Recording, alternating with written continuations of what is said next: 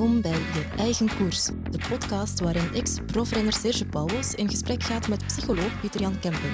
Ze hebben het over koers, over psychologie en de lange weg naar het realiseren van je dromen. Een reeks voor jong wielertalent en voor iedereen die koersgerichter wil gaan leven. Ik ben jullie gastvrouw, Ine Bijen. Welkom.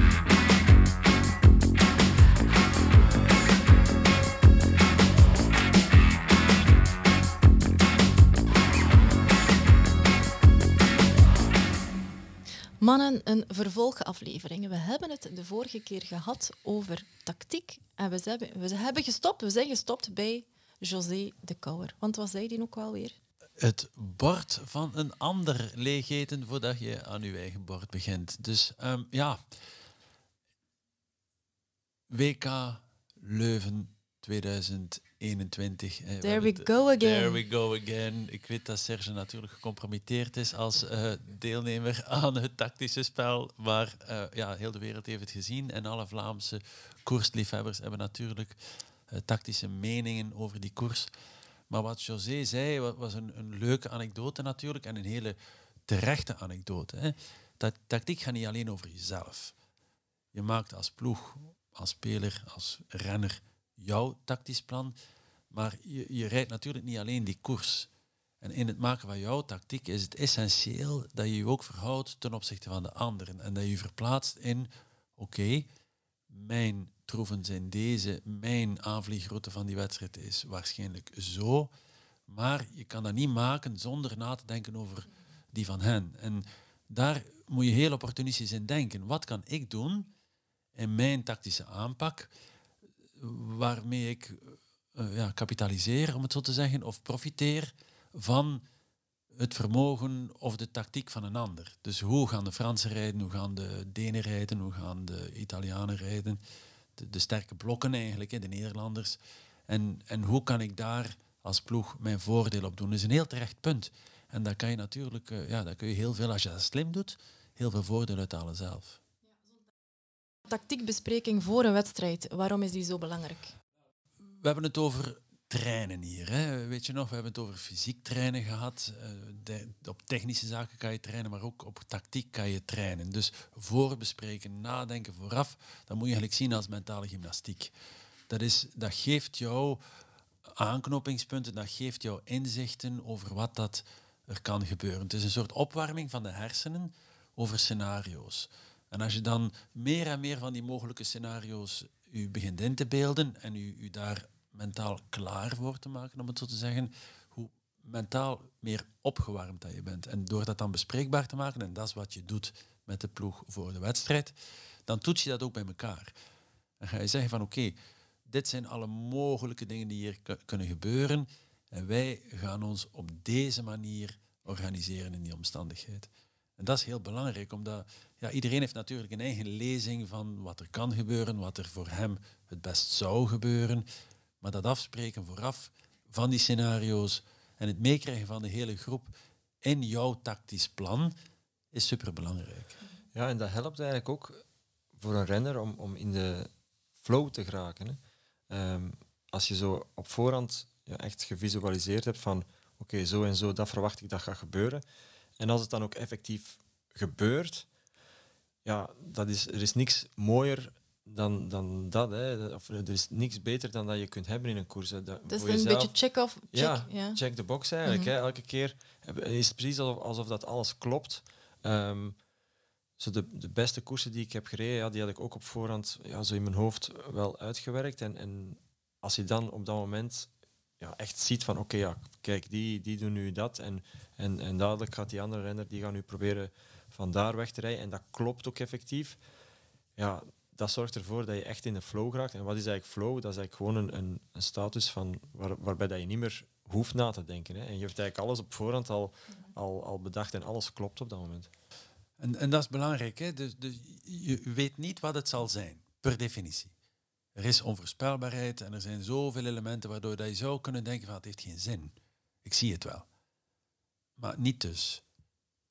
Het is niet omdat je niet weet precies wat dat er zal gebeuren, dat het niet heel veel zin heeft om na te denken over wat er allemaal zou kunnen gebeuren, hoe de kaarten liggen voor jou, hoe de kaarten liggen voor een ander vooraf, hè, voordat de wedstrijd start, wie dat er meedoet.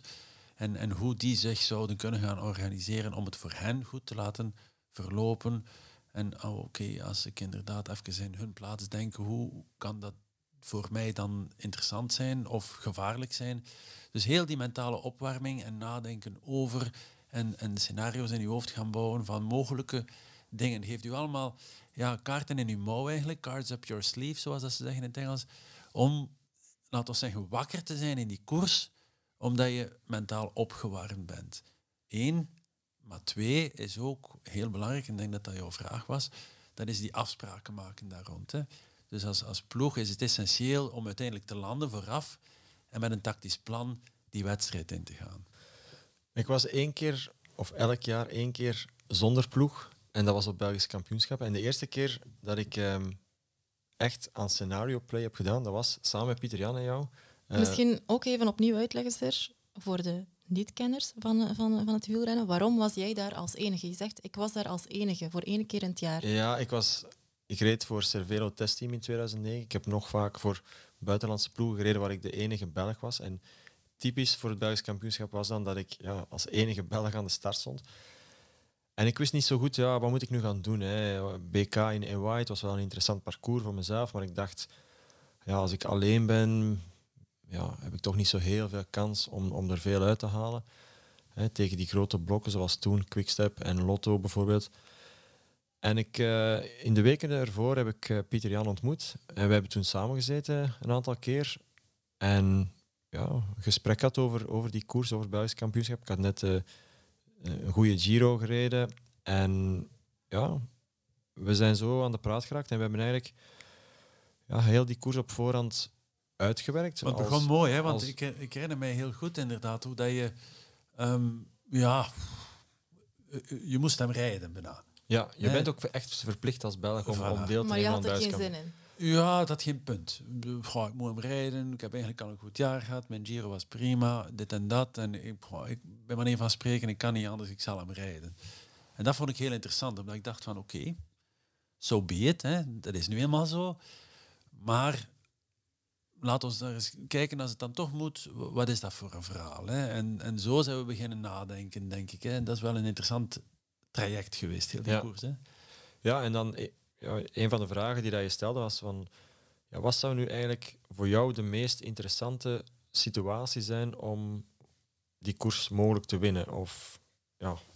En toen ja, kwam ik tot antwoord, ja, ik kan eigenlijk alleen maar iets gaan betekenen, of een rol van betekenis gaan spelen, als er zowel een renner van Quickstep als een renner van Lotto mee is.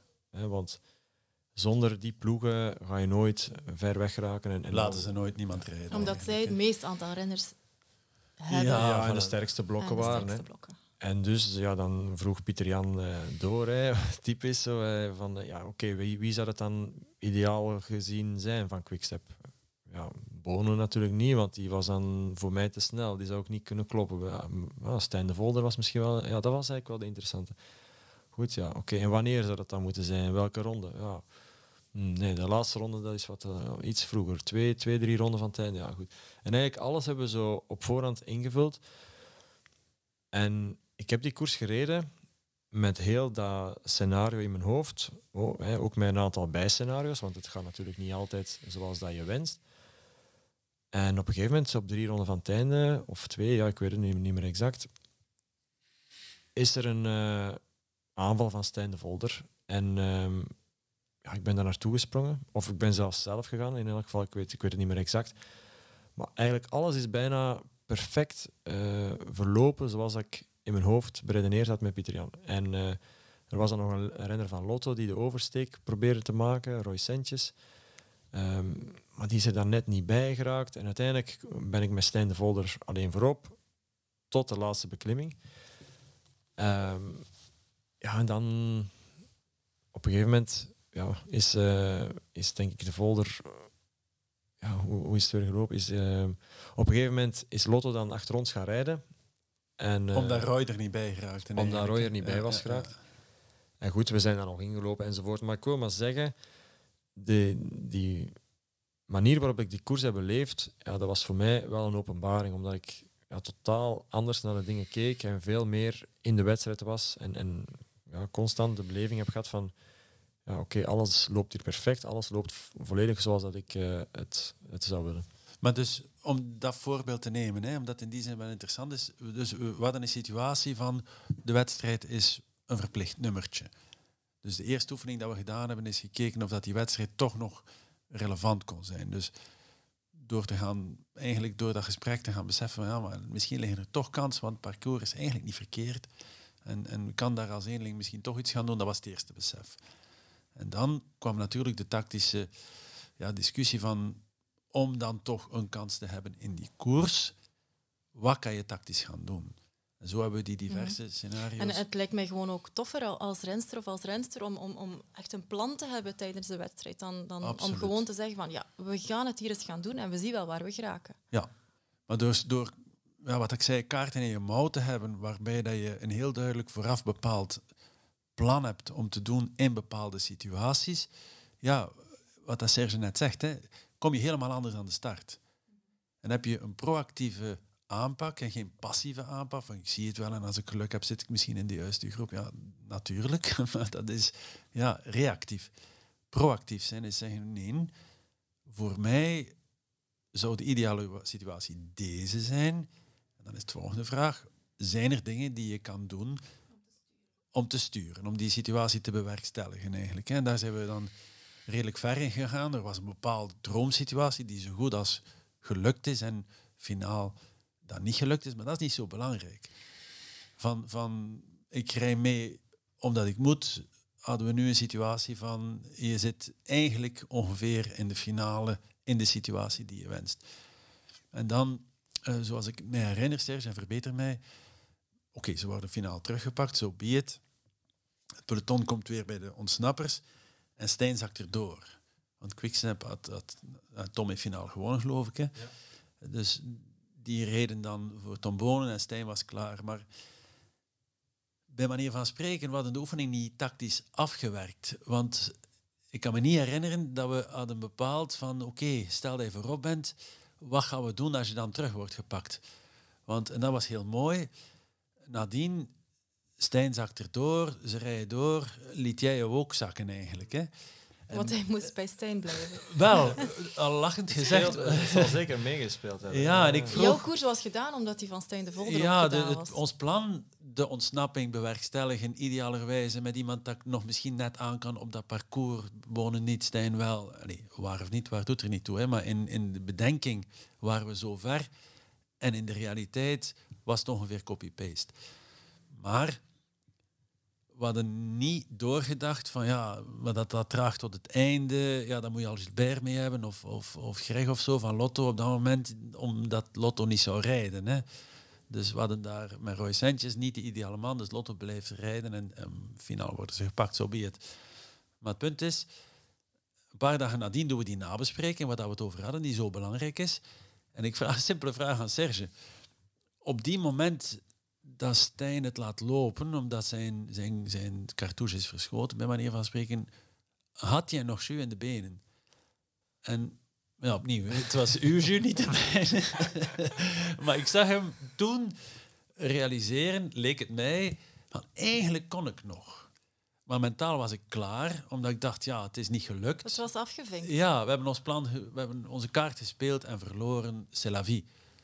Maar we waren in onze oefening niet zo ver gegaan om te zorgen, ja, maar wacht, hè, misschien is er nog wel een kaart en nog wel een kaart en nog wel een kaart in die mouw die we hadden kunnen trainen, om dat woord dan te gebruiken, om eigenlijk in die scenario's nog veel verder te gaan. En dat is hier, aan de hand van een voorbeeld, wat we willen duidelijk maken. Van, door, door daarop te oefenen, en te zeggen van ja, stel nu dat dit, dan dat. En dan moet ik zien dat je eigenlijk ja, toch nog net iets in de benen hebt. Dus als ik voorop ben met Stijn, moet ik zien dat ik maar op 90% rijd, bij manier van spreken. Maar dat is wel heel belangrijk. Dat je ja, dat doordenken van al die eventualiteiten. Omdat je ziet, ja, je, je kunt de situatie toch meer naar je hand zetten dan dat je soms beseft. want dat is uiteindelijk wat dat er gebeurt door de winnaar. Als die slim is, heeft hij waarschijnlijk in de koers een paar dingen, een paar steentjes verlegd, waardoor dat de koers in zijn voordeel is uh, uiteindelijk geëvolueerd. Ja, dus het tactische plan dat is eigenlijk, hangt ook heel goed samen, denk ik, met onze waarom-vraag. Waarom rij jij of reed jij toen de koers in AY, dat BK? Omdat je een plan in je hoofd had en je wilde dat plan afwerken. Ja. Ik herinner mij dat wij heel vaak een, een voorbespreking hadden. Ik spreek over heel veel jaar terug. Dat de ploegleider zei tegen ons van ja, blijf er zo lang mogelijk bij. Ja, dat, dat trok op niets. Hè. Simpel dan heb je dus helemaal geen plan. Nee, dan en dan, ben je, dan blijf je erbij. Dan ben je gewoon veel slechter. Dan sta je gewoon veel slechter aan de start. Terwijl als hij gezegd had, ja, probeer als eerste te demareren, ook al weet je van, ja, dat is een plan die helemaal niet goed komt, dan had je tenminste een plan. Ja, absoluut. Dus daar gaat het over. Hoe, hoe, hoe zwak je ook bent of hoe niet in vorm je bent, een plan is altijd beter dan geen plan. Absoluut, absoluut. Volledig eens. En ik heb nog een leuke anekdote. Ik heb al gesproken over Mark Brijs, hè, de, de, van, vandaag coach van OHL. En in, um, een tijdje terug, in 2003, als ik me niet vergis, uh, heb ik met hem gewerkt bij, als hij trainer was van Beerschot. En um, dat is ook zo een mooie situatie.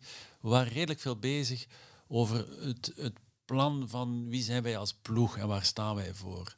En we hadden erover nagedacht van wat, wat verbindt er ons en, en hoe moeten wij tactisch matchen aanpakken en hoe kunnen we zorgen dat daar meer vuur in die ploeg komt. En um, het voorbeeld is het volgende, um, en daar is alle credits van dit voorbeeld gaan naar Mark Prijs en niet naar mij. Uh, als gevolg van die diverse gesprekken dat we gehad hebben, had hij een plan bedacht voor de derby tegen Antwerpen moet u inbeelden, eh, Antwerp, Beerschot. Ja, dat ligt altijd gevoelig. Zeer gevoelig. Serge zijn, zijn beste vriend is een hevige supporter. Voilà. Dus, dus, van, uh, van, Beerschot. Hè. Voilà, voilà. De, de Kielse ratten, uh, enzovoort, enzovoort. Maar in ieder geval, wat deed Mark? Um, de week voor de derby um, lanceert hij een gerucht in de ploeg van Beerschot. En hij zegt, mannen, heb je dat ook gehoord? Heel de stad, kleine overdrijving, zegt dat wij kabouters zijn. En dat zou komen van een Antwerp, die toevallig was Beerschot, kleine gestalte. Ze hadden heel veel kleine spelers. Toevallig, niet alleen maar, maar toevallig een aantal. En wat denigrerend zou het gerucht gaan in de stad dat die van een Antwerp vonden dat die van de Beerschot eigenlijk een bende kabouters waren. En hij cultiveerde dat gerucht. En er ontstond zo'n soort, ja, vrevel in de ploeg. Wij kabouters, hè? Zeggen ze dat? Alleen... Ik vind het nu al een spannend verhaal, Pieter Jan. Wat gebeurt er op wedstrijddag? Ze komen in de bezoekerskleedkamer van de NERA FC, stam nummer 1, de Antwerp. En in het midden van die tafel staat er een kabouter. Dus die mannen komen binnen in die ploeg, die zien die kabouter en natuurlijk, ja, totale consternatie. Iedereen staat perplex van, wat de hel, wie heeft er hier een kabouter gezet? En Mark gaat nog een trapje verder en hij kijkt al zijn spelers aan en hij zegt, wie van jullie heeft die kabouter hier gezet? Als je denkt dat dat een leuke grap is, mannetjes, I'm not amused. En hij kijkt die kamer rond, hè. allemaal, heel zijn, heel zijn staf en heel zijn uh, spelersploeg in de ogen en iedereen is natuurlijk perplex en denkt van, ja, ik niet, ik niet, ik niet. En dan zegt hij, ja, dan kan het alleen maar die van de Antwerpen zijn. Hè. Dus ze slagen daar een kreet van frustratie, mes tussen de tanden en ze winnen, ze ze die match 0-4 op Antwerpen. En de grap is, na, elke, na elk doelpunt ging de speler die gescoord had, met zijn handen boven het hoofd. Hè. Je moet maar googlen. Hè. Kabouter Eddie heet het verhaal, hè, 2003. Fantastisch verhaal. Ging die speler langs de bank van Antwerpen lopen. En die wisten niet waar het over ging. Maar die van Antwerpen die keken naar die speler. Wat de hel, wat, wat doen die nu met die handen boven het hoofd? Hè? Zo, een kaboutermuts. Uh, een kaboutermuts, inderdaad. Maar dus, het, was, het was echt een, een stroke of genius van Mark Brijs om die, dat was eigenlijk zijn tactische voorbereiding, omdat hij weet, ik moet die jongens opladen op een manier die hen tot daden uh, brengt die, die boven het normale zijn. Want uiteindelijk had hij alles zelf bedacht. Hè? Ja. Er was helemaal geen gerucht. En hij had iemand uit zijn eigen staf die kabouter laten zeggen en gewoon een, een, een gezworen eed van we zeggen dat tegen niemand, we zetten dat ding daar. En, uh, en we, we jutten gewoon de jongens op. Hè. Ik Karel was daarbij. Die, die, ja, die was sowieso al een krijger. Maar uh, dat was fenomenaal. Hoe, hoe je door slimme tactische zetten, ook al is het in je eigen ploeg, ja, zoveel energie kunt creëren. Hè. En daar hebben we het over. Hè. Je, je creëert, uh, hier is een, een, leuke anekdote. Hè. Het is een eenmalig iets natuurlijk, je kunt dat geen twee keer. Maar, maar daar gaat het wel over je neemt eerst afstand en je denkt na over wat komt er op mij af. Welke wedstrijd, welke, welke dingen wil ik gaan doen. En dan begin je na te denken over, ja oké, hoe kan ik me daarop voorbereiden? En dan langzamerhand komt die wedstrijd daar en dan wordt dat wat concreter, omdat je dat groot plan gaat doorvertalen naar hele concrete dingen die je voor die wedstrijd wil gaan doen eigenlijk. Hè. Ja, maar dat is wel inderdaad wel belangrijk, hè, want je moet wel weten wat dat je in die, in die bepaalde koers kunt gaan, wil gaan doen. En soms in een, in een meerdaagse wedstrijd kan het ook tactisch slim zijn om ja, juist niets te doen. Uh, we hebben het er straks over Sastre gehad. Die zei altijd, de eerste tien dagen in een grote ronde is het beter dat je eigenlijk het gevoel hebt dat je niets aan het doen bent, dan dat je hier en daar links en rechts seconden wilt gaan sprokkelen. Ik denk aan... Uh, Evenepoel dit jaar hè, in de Giro, die in een van die eerste ritten ging sprinten tegen, tegen wie was het weer uh, onderweg voor ja in de ja, ja, absoluut. Um, ja, daar win je de Giro natuurlijk niet. Hè. Daar, daar verlies je natuurlijk heel veel mentale energie. Maar dat is, dat, dat is ook een tactische keuze om bijvoorbeeld om de eerste tien dagen in een grote ronde ja, juist net of juist ervoor te zorgen dat je, dat je je energie opbouwt om dan juist de tactische keuzes te maken die, die er echt toe doen in de tweede helft van zo'n grote ronde. Mm -hmm. je kunt kabouters langs de weg van de kant gaan zetten, maar je kunt ook bijvoorbeeld in het wielrennen dan parcoursen heel goed gaan bestuderen. Dat is ook een vorm van tactiek. Ja, dat lijkt me essentieel. Hè. Dat kan ik me nu echt niet inbeelden dat je dat niet zou doen. Ja, denk aan, aan, aan Evenepoel, die daar, waar was het, dat hij de verkeerde weg ging op, of dat ze de verkeerde weg aan Hij was de enige die goed reed. In de, in de Brussels Cycling Classic, hè, ja.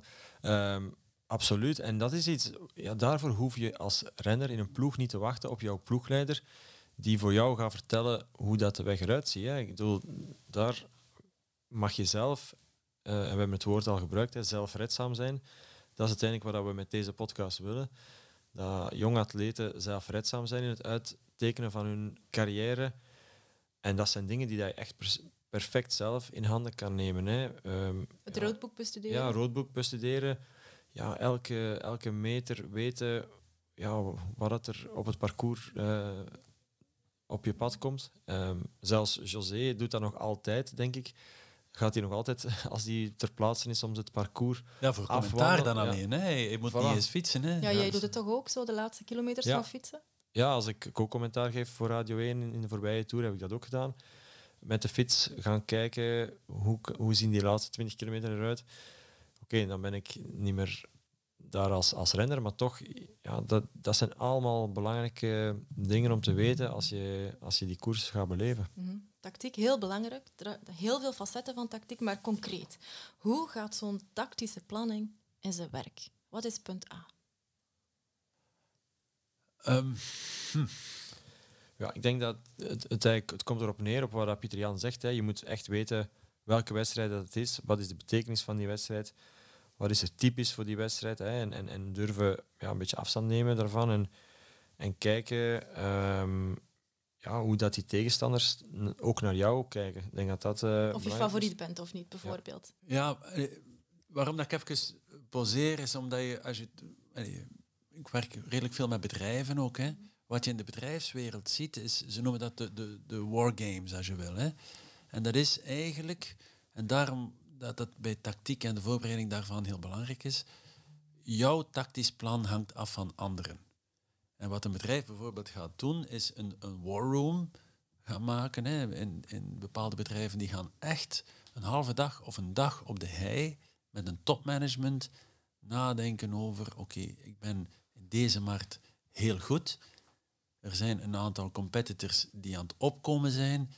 Als je nu mijn competitor bent, mijn tegenstander, wat kun je dan doen om mij aan te vallen in deze markt? Bijvoorbeeld? Bijvoorbeeld Unilever, hè, die, die maken uh, wat dat we dan noemen fast-moving consumer goods, shampoos, uh, Lipton Iced Tea, gewoon producten die op het schap staan in de, in de bazaar. En er is, ja, ik wil niet te ver gaan, maar er is altijd een oorlog om schapruimte. Hè. Als je in de Carrefour loopt, is niks toevallig. Hè. Alles staat daar om een hele specifieke redenen. En op ooghoogte, op onderaan, bovenaan. Dus daar is, dat is, een, daar is een hele tactische oorlog achter de schermen om te zorgen dat je daar, laten we zeggen, uh, integratie van de consument valt, genoeg reclame hebt gemaakt voor dat product, om daar, laten we zeggen, ook van schap gehaald te worden. Nu, het punt dat ik wil maken is, bedrijven gaan heel ver in het nadenken hoe een ander hen zou kunnen aanvallen. Tot en met ja, schaduwmanagement, dus zich gaan verplaatsen in de situatie van die ander, om te gaan denken van oké, als ik nu mezelf moest aanvallen, ik heb het voor uh, de voorsprong van mijn zwakke punten te kennen, dat kent die ander niet eens, dus ik ga die informatie zelfs gebruiken tot een stuk en ik ga nu het allerbeste aanvalsplan op mezelf gaan verzinnen. Moet ik erin beelden. Dus dat wordt uiteraard nooit gebruikt. Maar dat is puur om klaar te zijn zelf op jouw eigen strategie en de tactieken die je daarbinnen gebruikt. Dus je voedt je eigen tactiek door jezelf helemaal te verplaatsen in andere tegenstanders, hun belangen, hun troeven en hun zetten eigenlijk.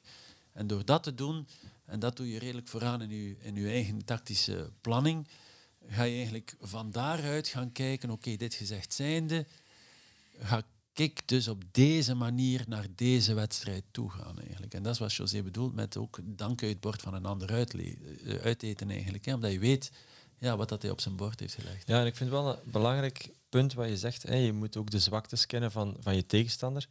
En dan moet ik altijd denken aan, uh, aan Contador in de, in de Vuelta van 2012 de dag na de rustdagrit naar Fuente. Eigenlijk een, ja, was wel een lastige rit, maar op zich werd, werd er niet verwacht dat, uh, dat er daar grote verschillen gingen gemaakt worden. En ik denk dat de Purito Rodriguez, die stond toen in de, in de rode lijnderstrui, maar die had openlijk gezegd uh, in de kranten van ja, ik, uh, vandaag op de rustdag, ik fiets bewust niet. voor mij rustdagen zijn rustdagen en ik, ga gewoon relaxen. Ik zal misschien een beetje in de sauna gaan, maar ik ga niet op de fiets zitten. En Contador die had dat natuurlijk gelezen. En ja, dat is misschien moeilijk uit te leggen voor mensen die niet, uh, niet, niet, niet de koers niet, niet van binnen kennen. Maar als je op een rustdag niet fietst, ja, dan kan je soms gewoon zware benen hebben de dag erna, of als je te weinig gefietst hebt. Dus, dus renners gaan soms heel specifiek, sommige renners gaan zelfs meer dan een uur fietsen om, om gewoon in dat ritme van die Jij grote bijvoorbeeld. ronde... Jij deed altijd meer dan een ander in een, op een rustdag. Om in, de om in dat ritme van de grote ronde te blijven, inderdaad. Ik deed dat, ik deed dat uh, zo. En um, ja, dus Contador is toen uh, op weg naar Fuente D van heel ver aangegaan ja, goed wetende dat hij op die manier wel Rodriguez kon pakken. En het is, het is hem ook gelukt. Hij heeft op die manier uh, de Vuelta nog naar zijn hand gezet, ook op een onverwacht moment.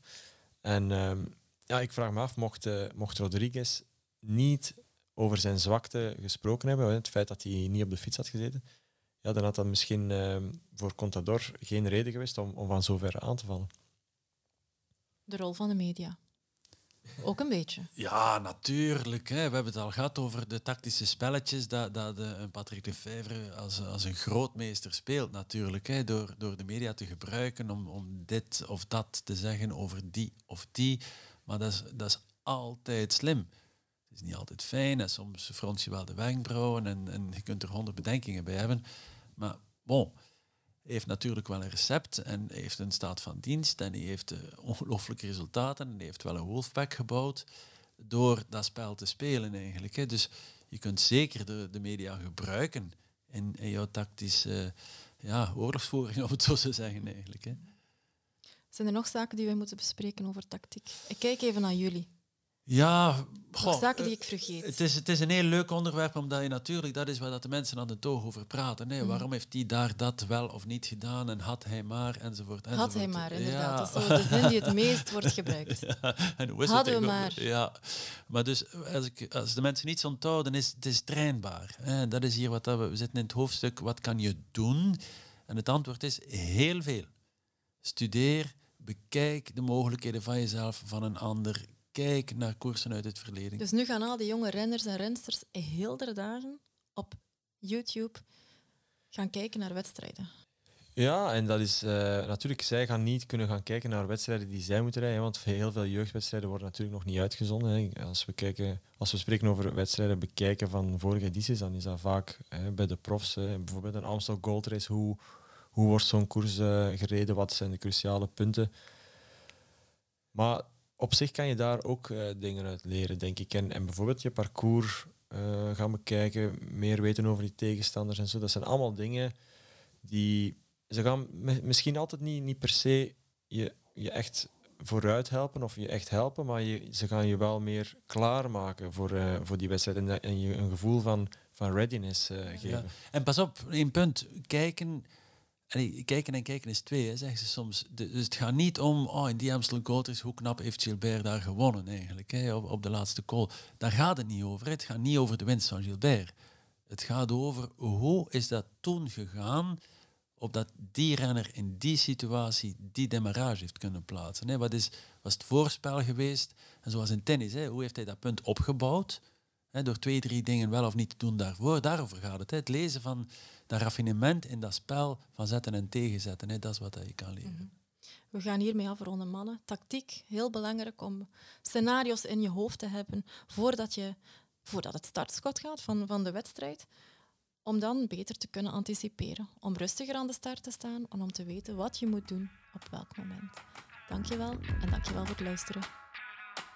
Wil je meer weten over deze podcast? Heb je vragen of opmerkingen? Surf dan naar je eigenkoers.be of neem een kijkje op onze Instagram-pagina.